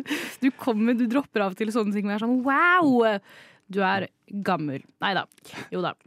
Um, men siden du er gammel og vis, så lurer jeg også på hvilke av de fire filmene vi har snakket om i dag, er din favoritt, og hvorfor? Og hvis du må rangere dem, hva Det, er- det, det er vanskelig, fordi jeg har jo vært litt sånn lunka Jeg er litt lunken til alle.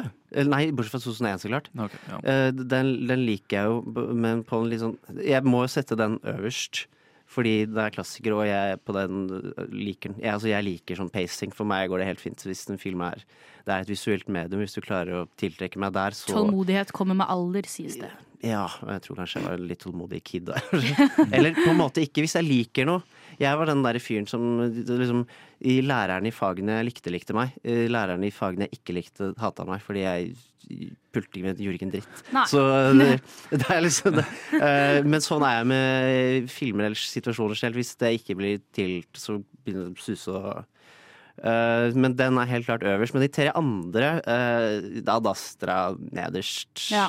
Eh, Ad Astra blir vel Gravity på andreplass, uh, Marsen på tredje og Ad Astra eh, Bad Astra, som er Bad Astra. Som vi, som vi etter å ha scrollet litt på uh, Letterbox Reviews, fant ut at det var den minst originale Ja, det var ikke så veldig Det var ikke noe originalt du hadde tenkt der. Nei. Jeg tror jeg nesten er enig i rangeringen din. Jeg må også ta 2001 Space Odyssey på topp, selv om jeg også er kjempeglad i The Martian, men eh, 2001 må bare få mye mer anerkjennelse for alt. Den er jo utrolig mye mer kunstnerisk. Den er laget i en tid hvor du ser den, og så er det sånn ja, 1969, det skulle jo ikke vært mulig, på en måte. Eh, og den gjør også noe jeg liker veldig godt i filmer, den, den gir deg ikke alle svarene. Ja. Du sitter der og er sånn Men de svarte boksene, da? Og de babyene? Hæ? Og det, det er liker jeg veldig godt. Man grubler veldig mye er den ikke satt i ditt fødeår? Jo, faktisk. Det Er, er er, er, du, er du babyen? Jeg Er Du du, må er du, ikke er, si det. er, du, er, du, den- er du den neste stadiet av Jeg er babyen, så jeg, det er jeg som satte de svarte monolittene Mm. der. Da var den katta ut av sekken, Ludvig. Takk. Eh, det er mitt fødeåret, 2001. Det beste året. Det skjedde mye kjipt eh, det året. Jeg ble født, blant annet, og terrorisme og veldig lite hyggelige ting. Men jeg er altså den babyen Mm. Som skuer ned på jorden. det var noe litt eh, Ja. Jeg så det litt. Noe litt merkelig, noe litt merkelig der. Det, det, ja, der avslørte du meg, rett og slett. Men jeg må også sette 2001 øverst, og så The Martian. Jeg klarer ikke å ha The Martian noe lavere. Den er kul! Ja. Den er kjempekul. Um, og den er lol. Og så Gravity, Mm. så Ad Astra. Men det smerter meg fordi Ad Astra ah, den er så kul! Ja. Men manuset ødelegger alt. Men hvis jeg bare ser på månescenen på Ad Astra, så går den nesten på en andreplass. Altså. Jeg elsker den månescenen. Hvis, Den- hvis du tar denne to timer lange filmen og bare skrenker Fem det-. Ja, de fem, inne, hvis du bare tenker på de, så er den bra, altså. Mm. Men er dere ikke enige at månecar-chasen var dritkul? jo, det er, ja, Superfett. det er, det er, det er Mad Max på månen. Ja, Mad Max på månen. Ja, men Mad Max er så unhinged allerede. Ja, kan de ikke bare finne en unnskyldning til å bare Fury sende Moon. Ja, til å bare sende de på Hadde vært helt fantastisk. Fury Crater, Fury Moon. Jeg er klar, jeg er klar ass. Det var helt nydelig. Mm. Arthur, hvilken liker du best, og hvordan rangerer du disse filmene? Eh, Nå skal jeg være veldig original. 2001 på førsteplass. Sær. The Martian på andre. Oh. Og mm, Ja, det blir Gravity på tredje og Ad Astra på fjerde. Dere- dere tvinner. Vi er enige, Men twinner. hvis du bare skrur av all dialog i Ad Astra, er så går den over Gravity. Du kan, du, kan, du kan rett og slett eh, sette opp en skjerm på liksom en sånn Mm. museum eller utstilling og bare ha filmen i eh, stille. Og bare la Ja, den gå. Men det, det liksom, jeg kunne ha sett den uten lyd òg, men jeg syns musikken og den syntene er så jævlig kul. Mm. Og så bare kommer den her dårlige voiceoveren som minner meg om den originale Det er bare å fjerne dialoglydsporet, da. Så, Så det dere sier er at det beste er å se Ad Astra og bare sette språket på sånt random språk dere ikke Ja. Absolutt. Det tror jeg er en kjempegod Det løsning. er jo- Ta et språk Genialt. Fransk eller, eller Nei, men hvilket- finsk. Hvilket som helst språk du syns er pent å høre på. Mm. Det tror jeg bare- hadde løst veldig mye. Ja, skru av teksten, så bare sier de masse ting. Og det Ja, bare, ja, okay, kult. Jeg klarte faktisk eh, til og med å begynne å grine av en av disse filmene. Jeg gråter nesten alle filmer. Det er sånn jeg måler kvalitet Ja, men, ja, men det er filmer. det, jeg vet at du gjør det, så jeg er overrasket at det bare var én av dem. Faktisk bare en av dem. Og det er Skal Jeg vi liker ikke å innrømme Er det. det quiz? Ja, gjett! Hvilken film begynte Astrid å gråte av? Hva gjetter Arthur? Uh. Gravity, tror jeg. 2001. 2001. Ja. Du gjetter Gravity. Stian, hva gjetter du at jeg begynte å gråte av? Du må ta den siste. Oh, nei, jeg føler det er kanskje Demarsen. Det er Gravity. Fordi jeg blir så Det gjør så vondt langt inn i hjerterota når hun sitter der og er sånn Would you tell her that mama found her little red Ja, shoe? for jeg tenkte, jeg tenkte at det var sånn type du eh, Det er derfor jeg kanskje syns det funker, fordi jeg begynte å gråte av akkurat eh, det elementet. Mm. Vi eh, skal snart lande på jorda, men er hele det blonde mannskapet fortsatt med oss? Har noen strøket med på veien? Vent og se! Eller ikke vent, fortsett å høre på, så får du kanskje høre svaret. Men først skal vi høre litt mer musikk. Nå skal vi snart lande på jordens overflate, men er vi egentlig alle fortsatt? Arthur, hvorfor er du fortsatt i romskipet? Gi meg et par argumenter på hvorfor du hadde overlevd alene i verdensrommet. Mm, for det første så hadde jeg hørt på George Clooney Ja. og vært bestevenn med han. Um, Og drukket så- Nespresso-kaffe? Ja, Ja. absolutt. Uh, hvorfor mm, er det ikke Nå er det jo ingen tydelige aliens i disse filmene, men jeg føler at jeg hadde ikke tatt på noe aliens, eller tatt med meg noe rart hjem. Jeg hadde ikke, tatt, jeg, jeg hadde ikke vært en turist og tatt med meg en suvenir hjem, en månestein eller noe sånt, sånn et egg. Så det tror jeg er min plan for å overleve. Absolutt. Mm. Um, jeg skal ikke legge noe skjul på det. Jeg hadde dødd først av alle. Jeg blir kjempestressa av um, det meste. Jeg hadde jo aldri fått lov til å dra opp i verdensrommet, men jeg hadde jo jeg hadde sikkert tatt av meg hjelmen jeg, hvis jeg fant, befant meg i en situasjon sånn som Sandra Bullock. Jeg hadde vært sånn nei, dette or det blir for mye. Jeg orker ikke å prøve engang. Det blir, det blir altfor meget. Så hadde jeg sikkert ikke hørt på George Clooney, for han syns jeg er for glatt. Så det hadde jo gått meg Men hvilke- dårlig. hvilken- ikke er jeg god til å dyrke had- poteter i bæsj. Ikke Hvem hadde vært den optimale Hvilken hallusinasjon hadde du hørt mest på i hvis kom med Eh, uh, Sander, vår kjære ansvarlig redaktør. Jeg hadde hallusinert Sander, og så hadde jeg vært sånn OK, Sander. Sander jeg kan gjøre det. Ludvig, hvorfor hadde du overlevd? Hvorfor jeg hadde overlevd? Uh, jeg hadde uh, jeg, jeg hadde vel ikke overlevd uh, Jeg hadde nok sulta i hjel i stad. Jeg hadde vel bare venta istedenfor å ta av meg hjelmen. Du hadde ikke spist uh, potetbæsj? Jo, hvis jeg, hvis, hvis jeg, hadde, hvis jeg hadde tilgjengelig, så. Okay. så hadde Ikke Men du hadde ikke lagd Du hadde ikke lagd det sjøl? Ja, for du dauer jo fortere av å spise ekskrementer, merker du det? Du skal egentlig ikke spise, altså. Kan vi bytte tema? Det er et viktig tema. Det var ikke Det jeg ville inn på. Det var ikke det. Du spurte hvorfor jeg overlevde. Ja, men Angrer du? Ja, jeg angrer på at jeg spurte. Nei, jeg hadde Nei, jeg tror jeg bare hadde levd til jeg ikke hadde levd lenger. Fordi jeg, jeg, jeg, jeg, er ikke- jeg er ikke smart som Matt Damon, så jeg Du kunne har ikke kommet med jeg så kunne mye ikke gode sitater i dag. Jeg- jeg Jeg hadde ikke- levd til jeg ikke hadde levd lenger. Nei, men jeg jeg er glad den kalde krigen Ja, men- bare var kald. men jeg hadde, jeg hadde ikke gjort som deg og tatt av hjelmen. Jeg hadde bare si, si at jeg hadde vært Marsen-greia, da. Ja. Jeg hadde bare vært inne på det stedet og spist uh, Hvor lenge er det? Et, hvor lenge har han Halland. chicken curry? Ja, ikke så jævlig lenge. Og så hadde du dødd når chicken curryen var tom. Uh, ja, Ja.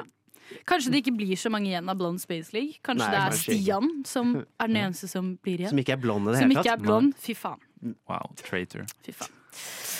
Men eh, hadde dere eh, hatt lyst til å bli begravd sånn i verdensrommet? Som bare blir dytta ut? Folk og som bare- blir skutt Ja, opp. det hadde Ja, vært for det hyggelig. skjedde jo i flere filmer. For du De bare fryser jo sånn- ned, og så vil du jo drifte rundt, så det er sikkert noen som Ja. finner deg. En liten alien.